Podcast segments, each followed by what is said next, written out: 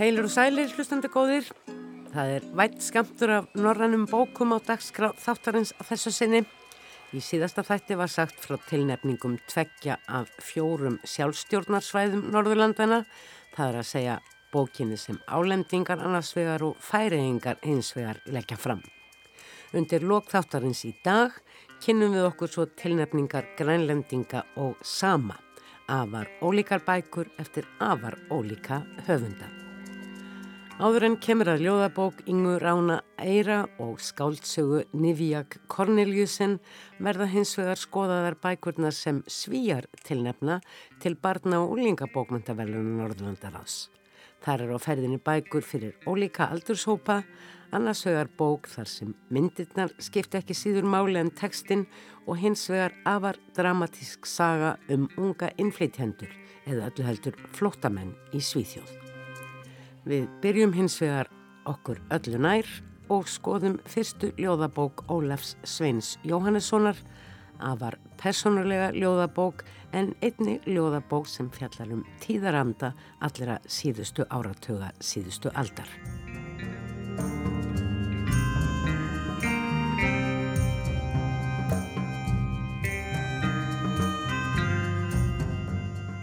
Klettur, ljóð úr sprungum heitir fyrsta ljóðabók Ólaf Sveins Jóhannessonar sem er nýkomin út.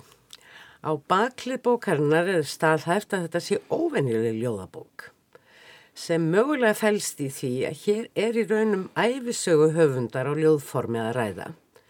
Kanski er eftir að tala um brotur æfisögu en það er þó ekki heldur alveg rétt. Ólafur Svein Jóhannesson er borin og barnfættur tálkfinningur Ungur að árum misti hann báða fóreldra sína og sem elsta barn þeirra tóka með svo búið við uppbeldi yngri sískina.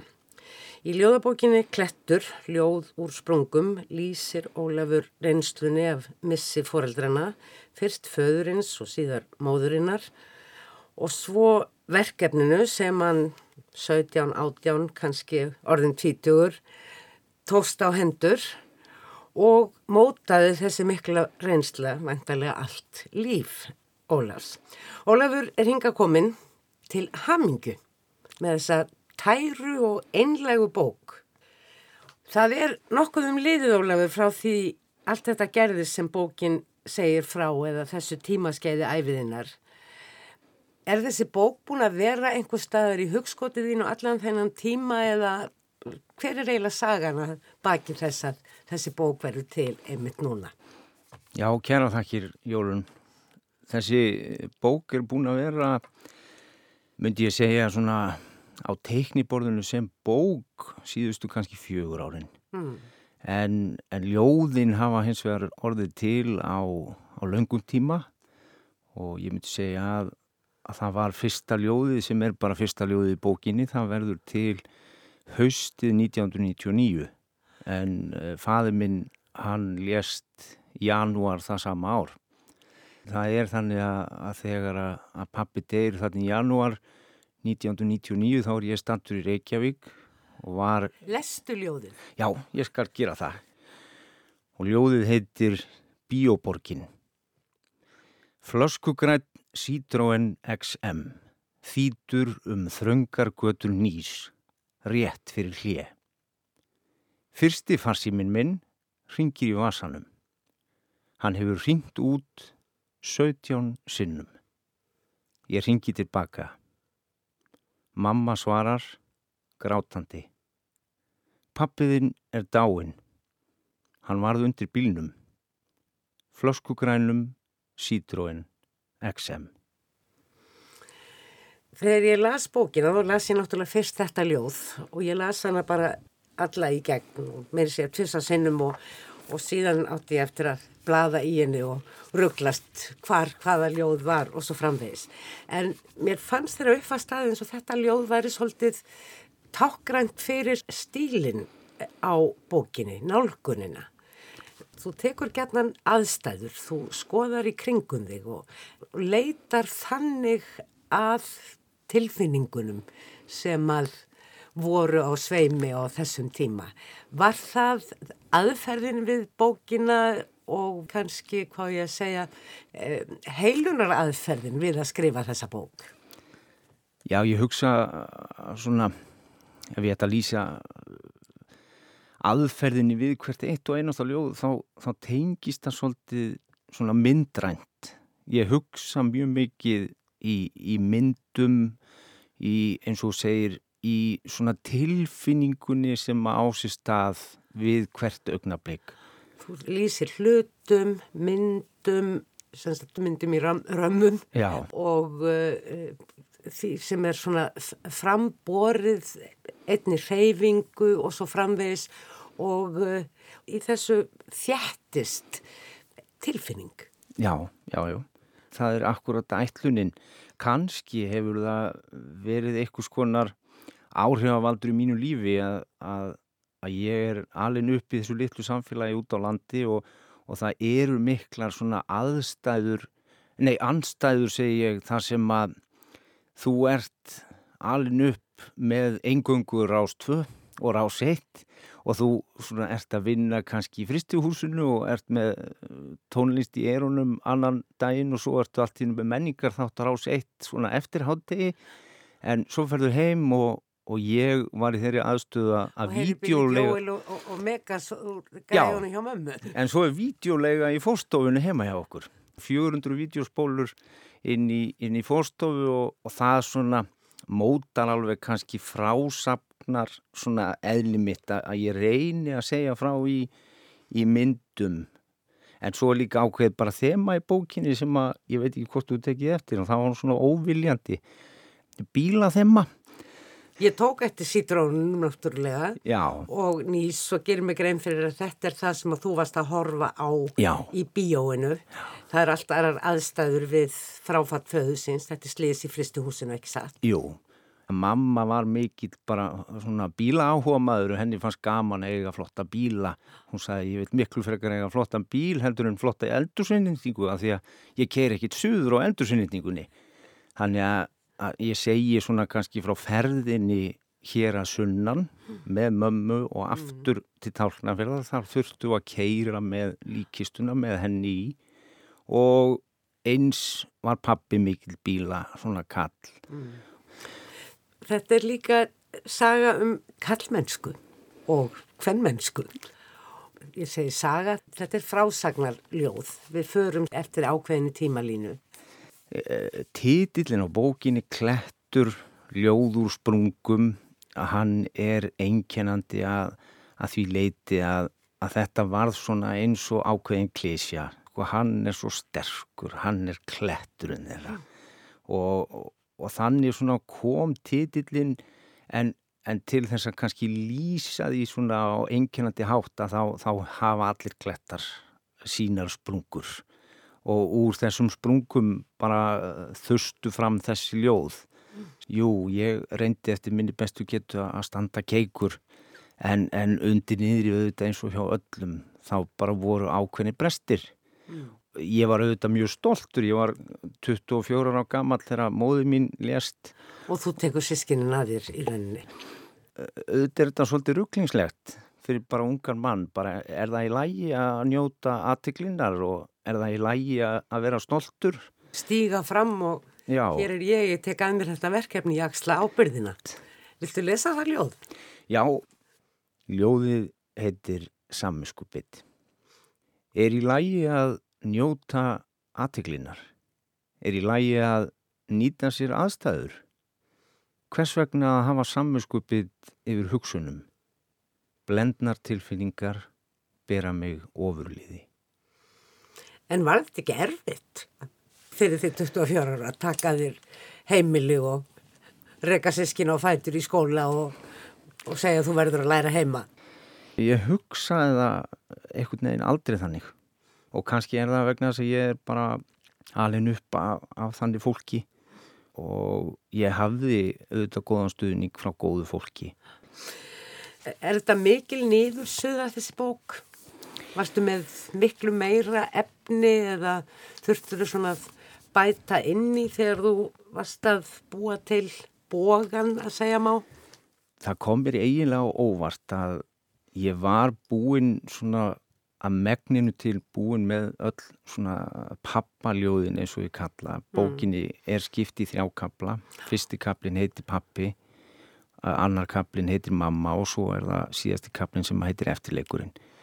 Og það var svona fyrir cirka tveimur árum sem ég síndi í fyrsta skipti ykkurum þessi ljóð. Ég hafði ekki sínt neinum þessi ljóð bara í, í, í hartnar 20 ár. Það sín... hafðu verið að verða til á þessum langa tíma. Já, ég síni koninu minni þessi ljóð og hún kvati mig til þess að reyna að hafa samband við forlag mm. og það var þannig að, að Páll hjá Bjarti Veröld, hann hafði trú á þessu verkefni mm. og í raun og veru hvetur hann mig til þess að skrifa svona síðasta kaplan sem heitir Eftirleikurinn. Þannig að það eru svona nýjustu ljóðin mm. sem eru öll samin á, á cirka síðasta ári og, og þannig að þannig myndi ég segja að, að bógin hafi svona komið alveg yfir.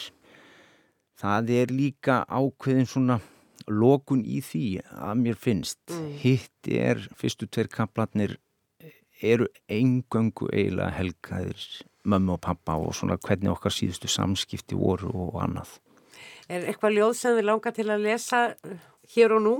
Já, það er, það er eitt sem að kannski einkennir ekki bara mömmu og pappa og þeirra kannski fyrstu svona samskipti á tálkna fyrir því. Maður fær mjög lifandi mynd að þessu fólki skal ég segja þér. Já. Engum mammuðinni. Já, þakka fyrir. Það er svona... Hún var greinlega svolítið litrík. Já, hún var það. En, en það er eitt ljóð sem er hér í fyrsta kaplanum sem að mér þykir óskapla væntum sem að heitir Hraðfrist í húsið og þetta er staðurinn þar sem að, að mamma og pappi byrja þau hefja sína sambúð á tálnafyrði og eru bæði að vinna fyrir fristihúsið og pappi er að vinna út á sjó en, en mamma í fristihúsinu í mötunettinu en þetta lýsir líka aðstæðum sem að fólkið heima á hraðfristihúsið. Þarna stóð hann á blötu vinslugólfi í hraðfristihúsinu. Ungur maður úr Kópavogi umkringdur ókunnugum fjöllum. Þarna hafði hún staðið áður sem eldabuska í mötunetinu, unglingstúlka úr rauðarsansreppi, örug í faðmi sinna fjalla. Þarna stóðuðu saman í fyrsta skipti í aðal húsi bæjarins. Vinnustadur þeirra begja, pappi á sjó og mamma í landi. Lykt af róðflettum fiski síkareturreik, gúmístífvelum og ódýru ylvatni, snjáður spilast okkur á borðinu. Nú liggur hann á gólfinu, mamma og fjölnir fundan. 20 árum síðar eru síðustu andartökin á köldu vinslugólfi í hraðfristihúsinu.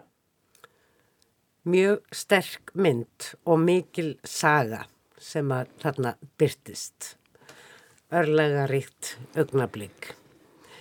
Þessi bók, hún fjallar líka um tvenna tíma og uh, það kemur mjög vel fram í ljóðinu einmanna kirkja hvernig eitthvað er gengið og nýtt verður til án þess að þið gamla hverfi endanlega. Einmanna kirkja Steiftur kuppur sem eitt sinn helt upp girðingastur en nú brotin á alla kanta. Það glittir í blágrítið í hverju sári eins og fjörusteinar sem gæjast upp úr sandinum. Kirkjan í Stóra lögadal er einmanna og yfirgefin. Bæjarbúar hafa eignast nýja kirkju á nýjum stað. Á Þingkól þar sem afi móður minnar ólst upp. Í móanum þar sem að langafi ræktaði fer nú fram jarðarför. Barnabarnið hans liggur í kistu á leið í Stóralögatal. Síðasta stoppastöð fjardarins. Einn í kistu hjá einmanna kirkju. Ólafur Sveit Jóhannesson til hamingu með klett, ljóð úr sprungum. Klettarnir eru víða og sprungurnir eru víða. Kæra þakkir. Takk fyrir. Svíjar tilnefna til barna og úlingabókmyndavellunar Norðurlandaráðs myndabókina Jag og Alla eða Ég og Allir annars vegar og hins vegar úlingabókina Afganske sönnene eða Afgansku seinirnir. Báðar fjalla þessar bækur um brín málefni samfélagsins í dag. Það má jáfnvel segja að er fjalli um það sama, nefnilega mikilvægi þess að setja sig í spór annara og fagna fjölbreytileikanum í öllum sínum myndum. Sögusviðið er þrengra í úlingasögunni afgönsku sínirnir þar sem þremur strákum sem flúið hafa frá Afganistan er fyllt eftir eftir komið þeirra til Svíþjóðar. Dagni Kristjánsdóttir segi nánar frá þessari átakanlegu sögu sem byggir á reynslu höfundarinn sjálfs Elinar Persson sem er félags mannfræðingur og starfaði við móttöku flóttamanna frá Afganistan árið 2015. Myndabókin Jag og Alla er ætluð yngri lesendum og beinir sjónum að þeim fjölbreytileika sem hvarvetna blasir við okkur.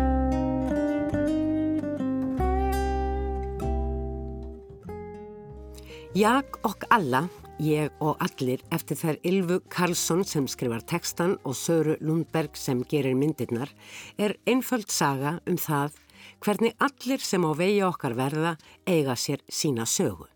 Í upphafi frásagnarinnar er það Olivia sem segir frá því hvað hún hugsar þegar hún setur fyrir aftan móður sína á hjólinu og heldur sér fast um leið og hún hugsar um alla sem hún er ekki.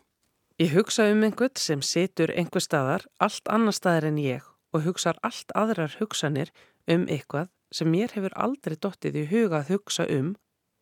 Í hverjum bíl og hverju húsi eru aðrar manneskjur og ég hugsa um það hvernig það sé að vera þessar manneskjur og hvað þær hugsi. Á túni við veginn stendur hópur af kúm og krakkar í gulum vestum. Ég ímynda mér hvernig það sé að vera krakki sem hilsar upp á kú. Á næstu síðu byrti svo mynd af strák sem likur upp á bakinu og kú.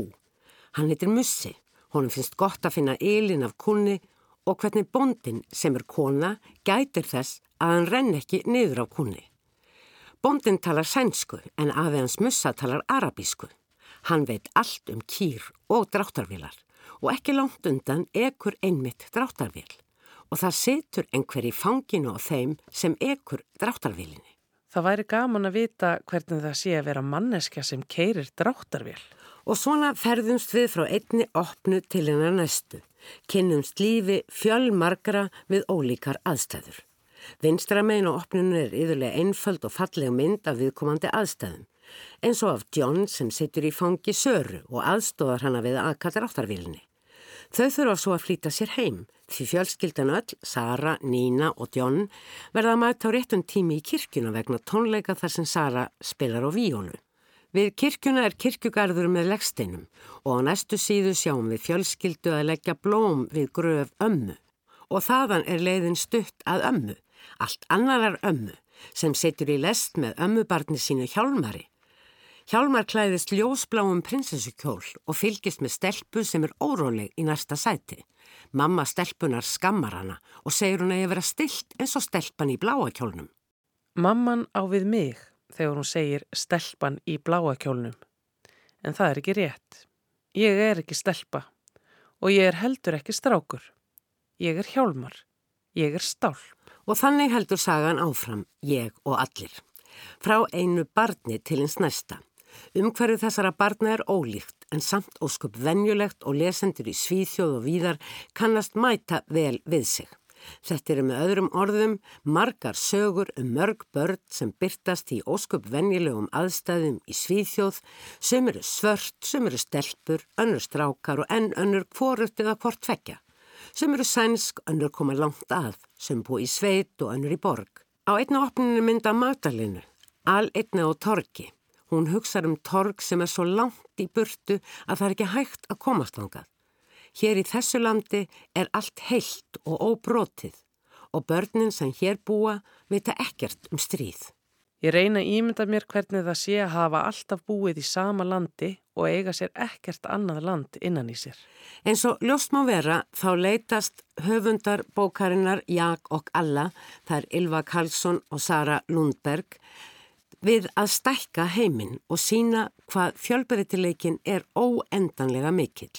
Sögunni líkur á því að Nikki sem seitur og syngur hástöfum við hlið tattúveraðs föðursins í flutningabílinum sem fadurinn ekkur sér út um gluggan stelpuna Ólífíu sem í upphafi leti lesendur inn í þessa fallegu bók með sitt stóra erendi. Í byrjun var ég alls ekki vissum hvað mér ætti að finnast um svo afgerandi, pólitist erendi og réttrónaðalegt. Þær evasemdir hörfu þó fljótlega vegna þess hver bókin er öll látlaus og falleg.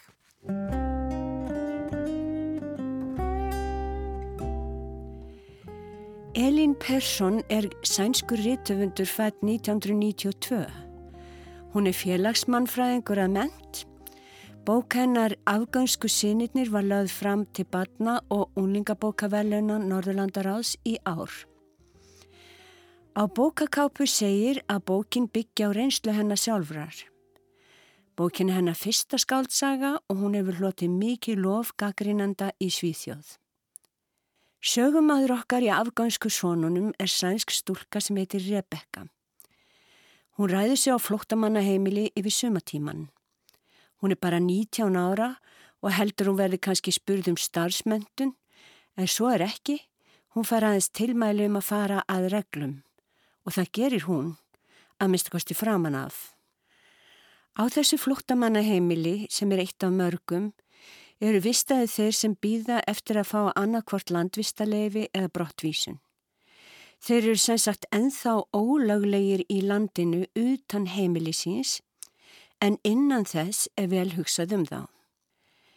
Drenginni þrýr sem Rebecca ber ábyrð á og hjálpar með hvað eina heita Ahmed, Hamid og Saher. Þeir eru 14-17 ára gamlir, eða svo segja þeir. Þar með eru þeir börn sem eiga rétt á landvistarleifi í Svíþjóð. Saher sá yngsti er mjög illa farin eftir flóttan til Svíþjóðar og ofur viðkvæmur í fyrstu. Engin strákanna vil tala um flóttan frá Afganistan En Ahmed segir Rebekku að smiklararnir sem fluttan til Evrópu hafi látið hann gera hluti sem hann muni aldrei geta sagt neinum frá. Þeir óttast talibana mjög fá martraðir þar sem þeim finnst þeir vera að taka sér fasta og tala um það sem vísan dauða að snúa heim aftur. Allir beraðir þessa reynslu með sér og stundum bristun út í ófyrir sjáanlegum viðbráðum. Allir þrýr eru þeir á livjum ímist við svepptröflunum, geðdeið, listaleysi, þráhyggju, ofsarhæðslu eða kvíða. Þessi sinir Afganistan, eins og þeir kalla sig þá sjaldan þeir monta sig af heimalandinu, eiga rétt á og fá undir yfirstjórn Rebekku að stunda skóla í bæjarfélaginu með sænskum unlingum. Þeir fá vel út til átinn fatastyrk, mat sem þeir velja og matreiða sjálfi með Rebekku, þeir fá aðganga reyðhjólum og útivist. Það er ímislegt sem þeir skilja ekki í sænskri menningu og þeir spyrja Rebekku stundum um vandraðilega og badnalega hluti. Í öðrum efnum finnst þeim hún mjög fáfróð. Þeir fá að fara á Lúsíuháttíð í kirkjunni 13. desember og Ahmed tekur meira segja kristna trú. Þeir renna hýru auga til allra ljósærðu sænsku fegurðadísana og láta sér dreyma um þær. Eitt af hlutverkum Rebekku er útdeila smokkum, sérstaklega til Ahmed, sem er mikið á ferðinni, lætur ekki sérlega vel að stjórn, er óútreknanlegur og brestustundum í dans með miklu mjadmasveiblum. Rebekka dáist að honum í laumi. Raunar er samband hennar og strákanna aðal efni bókarinnar. Smá saman vinnur hún tröst þeirra og vináttu og þeir eru allir smá skotnir í henni en fyrst og fremst ráskast hún með þá og er gæslumaður þeirra, hún skrái niður alla þeirra hegðun og frávik í smáatriðum. Þessum skýrslum skilar hún eldri starfsmanni Anníku sem hefur yfir henni að segja. Það er bannað að tengjast flottamönnunum personulega og eitt starfsmæður, stúlka, er rekinn fyrir að hafa kist flottamann. Einu sinni spyr Rebecca hvers vegna hún þurfa að skrá hverja einustu nótkun á fótbolta, straujáttni eða útivist upp á mínótu. Henn er sagt að öll skráning sé mikilvæg að því slíkar upplýsingar verða leikja fyrir ef kviknaði í og húsið brinnir til grunna. Þá verða að vera ljóst hverju byggju í húsinu. Hvorki Rebekkan í yfirmennanar virðast hafa hugsað út í að ef flóttamennirni brinnu inni, myndu skrásetningagögnin sennilega að gera það líka. Annika hefur svolítið áhyggjur af því að Rebekka sé að laðast of mikið að skjólstæðingum sínum en darinni farið að þykja mjög vandum þá undir lok suma síns. Hún skráði það til dæmis ekki alltaf eða koma svolítið seint heim. Sérstaklega laðast hún að hennum blíðilinda Hamid sem fer á hverjum mótnin er í posthólf til að aðtuga hvort ekki sé komið bref frá innflytjandastofnunni. Þeir mega allir býða lengi því sænska velferðaríkið er frækt fyrir að fara sér að engu óðslega í stjórnsýslum. Hann horfir á mig og ég kinga kolli.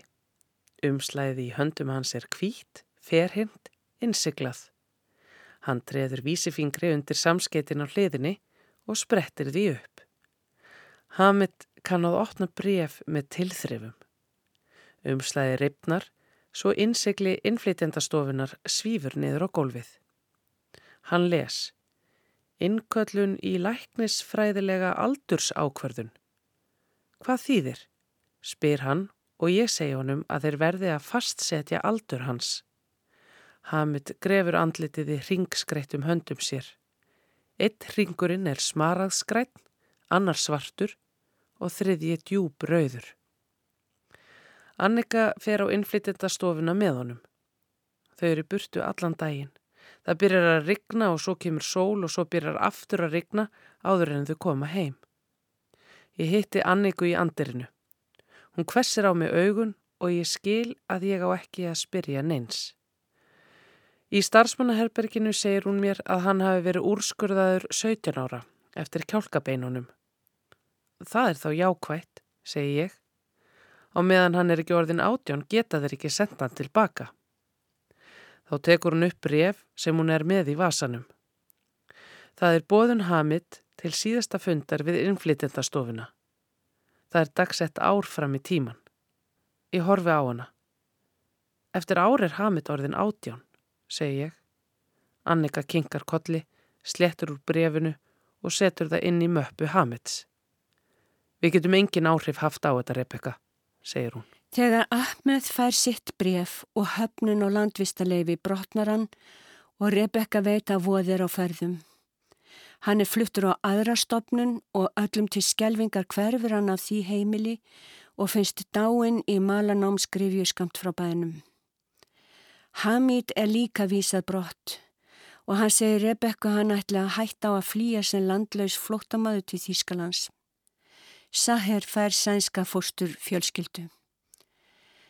Örlög afgönsku sonana verða enn nöturlegri af því að við hefum kynst þeim, draumum þeirra á þrám, gegnum hófstilta, lámælta samlíðan sögumannsins Rebekku sem þið treysta og elska. Það eru liðin tíu ár síðan atbyrðinni sem bókin segir frá gerðust og þeir sem hafa fylst með þróun mála í Afganistan síðustu mánuði vita ástandi þar hefur versnað markvallega.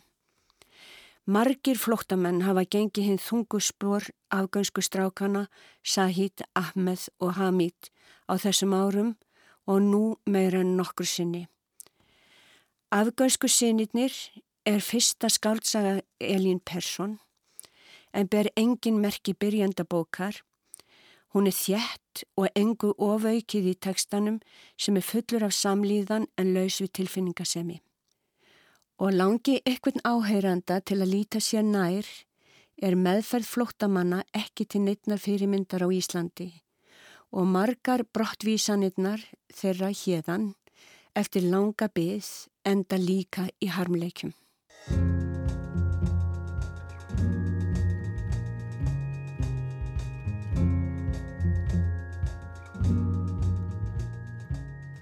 Bókmentir sama sem og grænlendinga í skilningi vestrætnar bókmentasögu eiga sér ekki langa hefð.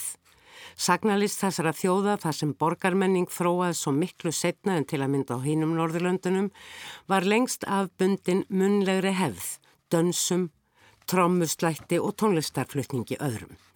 Á síðustu áratugum hafa bókmentir begja þessara þjóða þróast úðfluga í áttil þess sem við alla jafna tölum um sem bókmentir. Ljóð og smásögur voru það sem þau sem vildu tjá sig með orðum reyndu sig helst við til að byrja með, lengri sögur komu svo síðar og í minna mæli. Réttir að revja upp að samíska málsvæðið er í raun tvö ólík svæði hið vestursamíska í norðurhluta Noregs og hið austursamíska í norðurhluta Finnlands. Tungumálin eru af sömu rót en hafa þróast með sínum hætti á hvorum stað fyrir sig. Það er einnig mikilvægt að hafa í huga að bæði grænlendingar og samar hafa mátt standa af sér viðtakar tilraunir herraþjóða sinna til þess að uppræta tungumál þeirra, það er grænlenskuna og samískuna.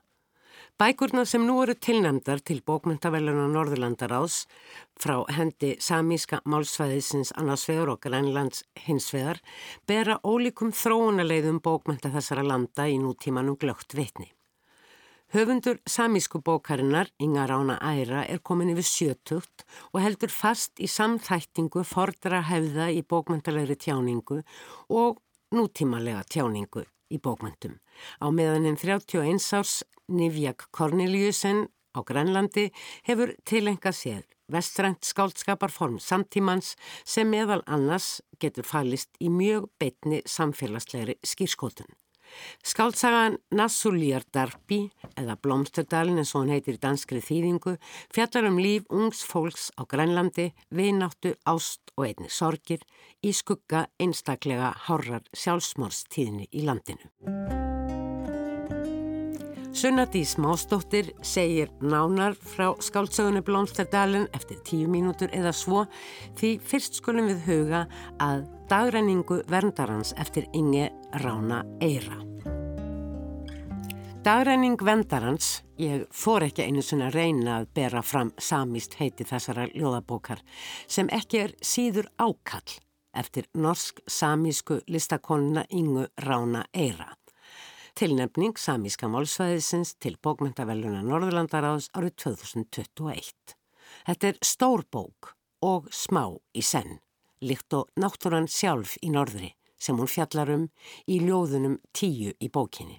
Inge Rána Æra var einnig fyrir tveimur árum tilnæmt til bókmyndavelluna Norðurlandaráðs og þá fyrir bókina Þetta er ekki svo jörð. Svo bók, einnig ljóðabók, var ekki síður en þessi ákall ákallum að sína jörðinni og umhverfinu virðingu svo að ekki þurfa að segja þetta er ekki svo jörð sem við vildum árlega komandi kynsluðir af. Það sem vakti aðtekli mína þegar ég las þá bók var hvernig listakoninni Inger Rána Æra tókst að hvetja til að nema samhljóm náttúrunar án þess að prétika eða undirstryka einhverjar praktískar löstnir. Þert á móti hvarti hún til fögnuðar. Því aðeins í fögnuði fengjum við sportnað gegn því sem er yfirvóandi. Þessi sami tótn er afgerandi í bókinu sem nú er tilnæmt, dagreiningu verndarhans. Bókin inniheldur en tíu ljóð en á þremur tungumálum, samísku, norsku og hensku, eiginlega þrjár bækur í einni og eru bækurnar aðskildar innan þessarar einu með ægi fárum náttúruljósmyndum Daví Girchi Í fyrribókinni sem tilnend var fyrir tveimur árum voru afskaplega fallegar grafíkmyndir Mattis Nango notaðar í sama tilgangi. En myndirnar eiga drjúan þátti að gera megin umfjöllunarefnið, það er þá vá sem umhverfið, gróðurinn, dýrin og manneskjötnar eru ofurseldar á tímum lofslagsbreytinga áþreifanlegar. Í ljóðum bókarinnar dagrenning vendarans eru reyndýrin í forgrunni. Fyrsta ljóðið heitir Rekstur hreinana og er í raun hljóðljóð og þess vegna heldur ekki þýtt en samísku orðin notuð eins og ena sem getur vist bæði vísa til þess að hreindýrin skuli haska sér en líka til þess að róa þau. enna, enna, enna, enna, zus, zus, zus, enna, zus, enna, Zeus, Enna, Enna, Enna, Zeus, Zeus, Zeus, Kish, Kish, Kush, Kush, Kish, Kush, Kish, Kush, Kish, Kish, Kush, Kush. Det gjør galit. hi, hi, hi, hi, hi, hi, hi, hi, hi, hi, hi, hi, hi, hi, hoi, hoi. Ho, ho, ho. Chebo! Chebo!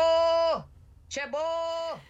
Næsta ljóð heitir Hvít kvíga og lýsir umhverfið þar sem dýr, stór og smá, kvína, söða, krafsa, trampa og all þessi hljóð saminast í jóiki, trommuslætti og þessari þjóðar söng aðferð samana jóikinu.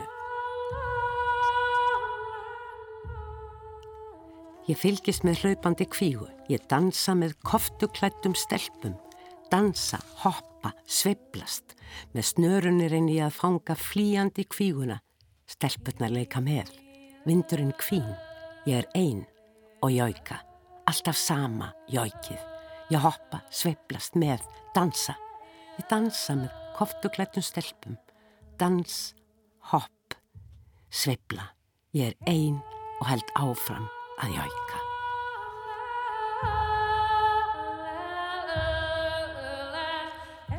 Í næsta ljóði, Guðirnir, er mynd á að Guðirnir hafi falið gullsitt og gersemar undir steinum, en hinn er framandi funduð allt. Guðirnir fylgdu jörðina með vatni, en földu ólju og góðmálma undir hafsbótninum. Hinn er ókunnu funduð á samt, eins og andana og huldufólkið sem faldi sig í fjöllunum og mátti þóla á gengna þeirra óskiljanlegt að fóra ráðast að guðum og öndum.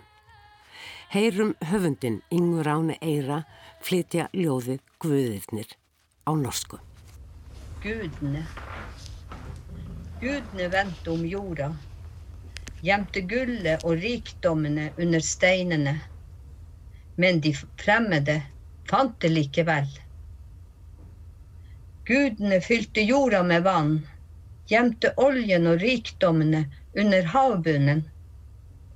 Men de fremmede fant det likevel. Åndene og huldrene flyktet, gjemte seg i fjellene. Men de fremmede plaget dem likevel. Hvordan tør de utfordre guder og ånder? Í enn einu ljóði er hjertslættinum líst, hamrandi hjertslættinum, í óttanum við að andrumsloftið kæfi börnin vegna þess að okkur vendurunum hefur ekki tekist að verja jörðina. Kenna börnunum að virða arfleiðina, hlusta á ráð ættbógans, lempa þrumugvöðin, svala sólgvöðinum. Eigum við eitthvað lengur til að forna. Hvernig má tilbyðja gvöði á fornastöðum sem enginn þekkir lengur? Og áframhalda ljóðin í þessari fallegu bók, þar sem nútímanum er fljetta svo þjætt við hefðina og vist má kenna söknuðar í þessum ljóðum. Sorgar, jafnvel harms, yfir því hvernig lífskilur þið sama hafa breyst. Inga rána æra mann tíman að tvenna.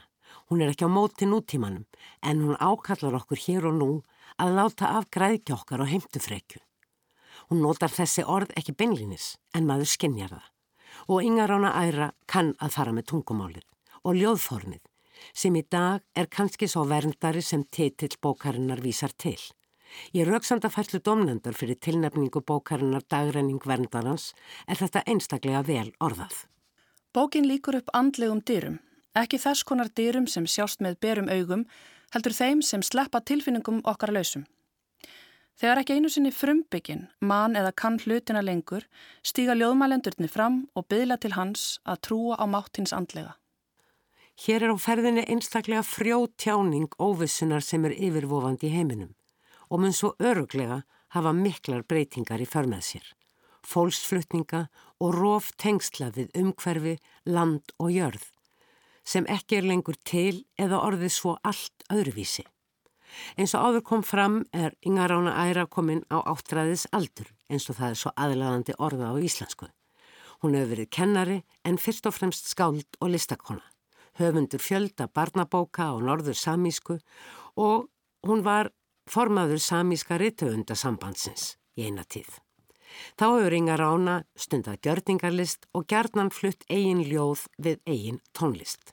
En eins og hér hefum átt heyra þá gegnir list tóna og hrinjandi veigamiklu hlutverki í ljóðum hennar. Þótt ljóð Inga Rána eira virki kannski einföld, þá eru þau það alls ekki. En það þarf að lesa þau aftur og aftur svo að fjölbreytileiki landslagsins í hverju ljóði fyrir sig og fjölbreytileikin í hljóðmyndunum ofinberist. Erendi yngur ána eira er hins vegar einfalt, en jafnframt svo bringt. Tökum vara, dagrenning verndarhans er á næsta leiti.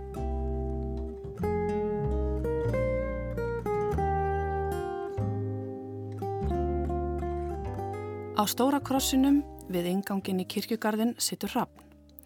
Í þessum kirkjugarði kvílir enginn sem ég þykki væntum.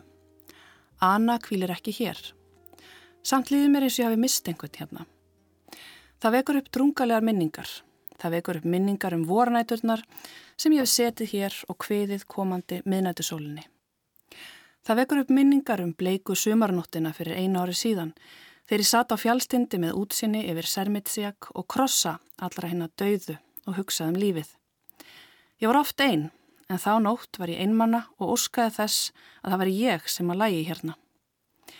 Göturnar voru sálarlausar eins og grafirnar og hrafn flög hjá og lent á einum á krossunum næst mér. Svartar fjæðrirnar glönsuðu, svört augu hans fylgdustu vökul með, svört sál hans var svo eina nálega. Ég kvildi augun á svörtum fugglinum og í stundarkorn glimti ég öllu um að sólinn sem hafði sest korteri fyrr myndi byrtast aftur fyrir aftan særmyndsjag eftir örfáar mínútur. Í stundarkort glemdi því að allt myndi hefjast að nýju. Hrafnin fylgist með mér þanga til að dagspurtan sneri aftur. Þá flög hann í burtu og skildi mig eftir með hinnum döðu. Hann vissi ekki að það var gegn ljósunu og ekki myrkrinu sem hann þurfti að venda mig. Grænlendingar tilnefna í ár skáldsöguna Nassúljardarbi eða Blómstedalin, Blómadalin eftir unga grænlenska höfundi Níviak Corneliusen til bókmentaveluna Norðalandaráðs. Blómstedalin er önnur skáltsaga Níviak sem debuteraði árið 2014 með skáltsögunni Homo sapien eða Homo sapina eins og hún heitir í íslenskri þýðingu Heðrúnar Ólafsdóttur. Súbók var einnig tilnemt til bókmöntaveluna Norðurlandaráðs og vakti gríðar mikla aðtikli. Þar er samfélag ungra hinsegin grænlendinga í forgrunni. Homo sapinu skrifaði Nývijak í einum sótthita kendum rikk eins og hún segir frá því sjálf. Blómstidælin er allt annars eðlis og hefur augljóslega verið byggð af mikillir nattni. Skaldsagan er í þremur hlutum. Fyrsti hlutin heitir Þau eða Dí Miðlutin heitir Þú, Dú og sá síðasti þar sem ringurinn utanum sögu hetjuna okkar þrengist og stöðugt hallar undan fæti heitir einfallega Ég, Jæ. Aðal söguhetja, blómstidelin sem við hittum strax í fyrsta hluta er naflus, nokkuð sem á eftir að hafa mikið vægi í verkinu. Hún er ung kona í núk sem virðist standa á spennandi tímamótum í lífi sínu þegar frásögnin hefst. Hún er yfir sig ástfangin af stelpu sem væri líklega orðin kærastan hennar ef ekki væri fyrir það að söguhetjan er á förum til Danmerkur í nám. Alveg frá upphafi bókar er okkur sem lesendum þó ljóst að þessi blómi lífsins sem þarna virðist brosa við söguhetjunni er ekki alfarið ekta. Ekki frekar en blómin í kirkjugarðinum sem bókin dregur nafn sitt af. Þau eru úr plasti. Söguhetjan okkar hefur ímsa djöbla að draga. Eftir fráfall ömmu sinnar nokkru áður er hún rótlaus og hún þólir ítla við á heimili foreldra sinna í núk þar sem móður hennar vil hafa allt slétt og felt á yfirborðinu. Hún veit þaðan af síður hvað hún vil gera við lífsitt. Mannfræðinámið í árósum er útkoman úr áhuga sviðsprófi sem hún tók með Malínu, ástkonu sinni, en lesandi kemst fljótt að því að hún hagaði svörum sínum alfarið eftir því hvað hún taldi að myndi vekja áhuga Malínu. Konan sem heldur utan í mannfræðinám er því skálduð. Henni finnst útilokað að hún geti risið undir þeim kröfum sem hún upplifir að gerðar séu til hennar. Til þess er hún of stórvaksinn, of dökk, yfirlitum, of lesbísk, of metnaðalus að eigin mati. Blómstedælinn fjallar um risavaksið og erfitt mál, sjálfsmórsvandan á Grænlandi, þar sem sjálfsmórstíðni er svo hæsta í heiminum. Og þessi svarti kjarni bókarinnar deilst lesanda ekki lengi. Aðal personan veldir því strax í upphafskabla fyrir sér hver sé nú þægilegasta leiðin til að binda enda á lífsitt. Í sama vettfangi rekst hún á mynda fórnalambi sjálfsmorðs á Facebook. Æ, leiðilegt, segir mammenar yfir aukslin á henni og sínir okkur þannig hversu hverstagslegar slíkar tilkynningar eru í samfélagið þeirra. Samhliða skiptingu blómstudælinn í þrjá hluta er annar og gríðar mikilvægur hortsteinn í byggingunni, nefnilega niðurtalning sem hefst strax á fyrstu blaðsíðum bókarinnar á tölunni 45. Tölunni fylgir þessi blákalda lína. Kona, 38 ára, henging. Fyrsti hlutin, þau, fjallar um aðalpersonuna naflausu, fjölskyldu hennar og fluttningin til Danmerkur sem þrátt fyrir útþranna stendur ekki fyllilega undir vendingum. Hún á erfitt með að aðlagast skólalífinu í árósum og mætir það rótgrónum fordómum og vanþekkingu. Hvernig má það vera að þú sért svona góð í dönsku, spyr samnefnandinar. Þetta er hrós, vel gert, bætir hann við og átta sig ekki á nokkun hátt á förðu söguhetjunar. Annar samnumandi býðst til þess að fylgja neða að finna stuðningsfulltrúan sinn. Ef þú færði námsleiða eða átt erfitt með að halda í við námið, segir hann. Ég er ekki eins og hinir grænlendingarnir, svarar aðalpersonan. Þessi hverstagslegi rasismi sem Nývijak teiknar upp fyrir okkur í gegnum tvöl aðalpersonunar í árásum og sem byrtist aftur í lokakablanum þá sem kerfispundin rasismi er einn af megin þráðum bókarinnar. Samband grænlendinga og dana byrtist okkur aftur og aftur sem bygglað og brogað og með tilherandi valda ójapnvægi. Staðal ímyndirnar sem danir hafa af grænlendingum íþingja söguhetjunni. Hún finnur stuðning hjá samlöndu sinni á stúdendagarðinum sem hristir sjálf hausin yfir dönunum sem tala varla öðruvísi en í kaltæðni. Þá er betra að vera grænlendingur, segja hlutina beint út. Í lokakablanum þegar Hallað hefur verulega undanfæti hjá söguhetjunni grýpur hún hins vegar ítrekkað til þess ráðs að verja sig gagvart heiminum og ísköldu, dæmandi og vassbláu auknaráði vegfarenda með því að klæðast staðal í myndunum eins og Brynju. Annar hluti blómstudælinn heitir Þú og þar er Malína sem nú er opinberlega kærasta söguhetjunar og fjölskylda hennar í veigamiklu hlutverki. 17 ára gömul frænka Malínu hefur fram í sjálfsmorð og söguhetjan okkar fer til hennar í bæin Túsilak á austur Grænlandi þar sem fjölskyldan býr öll. Hér opnar Nývijak okkur glukka inn í fjölskyldu þess sem hefur bundið enda á lífsitt. Við læðumst inn á tá við hlið söguhetjunar sem rétt eins og við veit ekki alveg hvernig hún á að vera, hvað hún á að segja og við hvern. Malína færðað á heilan að komast að því hvaða ástæður lágu að baki þessari skjálfilegu ákverðun frænkunar en verður lítið ágengt með eftir grenslanir sínar. Í kringum sjálfsmórð hennar, rétt eins og svo mörg önnur, ríkir þögn, þöggun sem er í hrópandi mótsögn við þá staðhæfingu samlöndunar í árósum að grænlendingar séu svo beinskettir á meðan danirnir tali undir rós. Á spítalanum fær hún að vita að frænkanar hafi áður reynd að fyrirfara sér með því að taka inn lif. Fekk hún enga hjálp þá, spyr Malína. Hva, segir danski læknirinn. Heldur að við getum bara fyllt spítalan á einhverjum krökkum að geta pillur. Heldur að við séum með pláss í það. Gallað kerfið er sláandi. En það er menningin í kringum sjálfsmorðin líka eins og nývíak miðlarenni. Fólkið sem kallar eftir hjálp á Facebook uppsker stöku hjarta eða like en þegar það bindur enda á lífsitt nokkrum dögum síðar fyllist tímalínan af brostnum hjörtum, grátandi emoji-körlum og marg orðum yfirlýsingum um hversu sár söknuðurinn er. Þessi styrða tjáning á samfélagsmiðlum í formi tjákna og þumla er önnur byrtingarmynd þess hversu erfitt að reynist að ræða málinn í alvöru og hversu inngróin vandin er í samfélaginu. Saga sem amma söguhetjunar segir henni þegar hún er barn tengir saman sjálfsmorðsmenninguna og gömlu grænlensku sagnirnar af Kivitok, fólki sem yfirgaf þorpin sín og hjælt til fjalla til að einangra sig. Við skriðum innum þröngt op sem var vel falið bak við stóra gamla steinskriðu. Hellirinn var á stærð við barnaherbyggi. Það var enþá mannalikt í honum. Hér hefur ekkur Kivitok búið, saði Anna. Hellirinn bara enn merkjum fyrir notkun.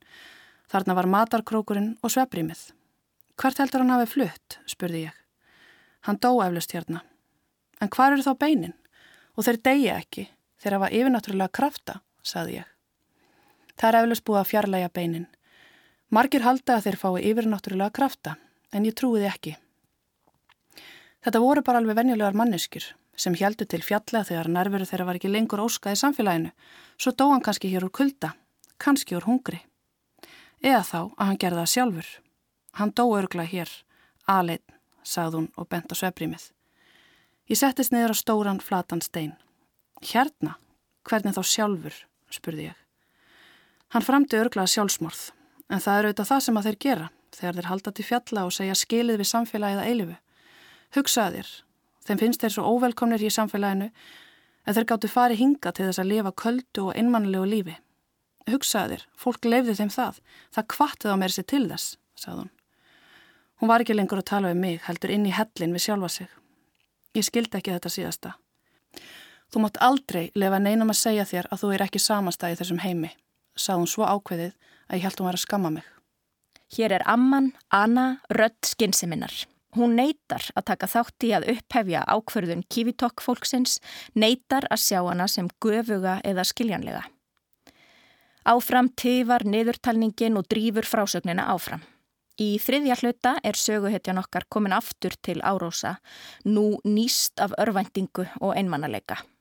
Henni finnst hún hverki eiga heima lengur, ekki í sambandi sínu við Malínu, ekki í núk, ekki einu sinni í eigin líkama, sem er raunar alltaf fyrirferða mikill í sögunni. Söguhetjan okkar er naflaus en hefur sterka líkamlega nervuru. Nývíak skrifar okkur inn í þangagangmannesku sem er að missa tökin eða sleppa tökunum.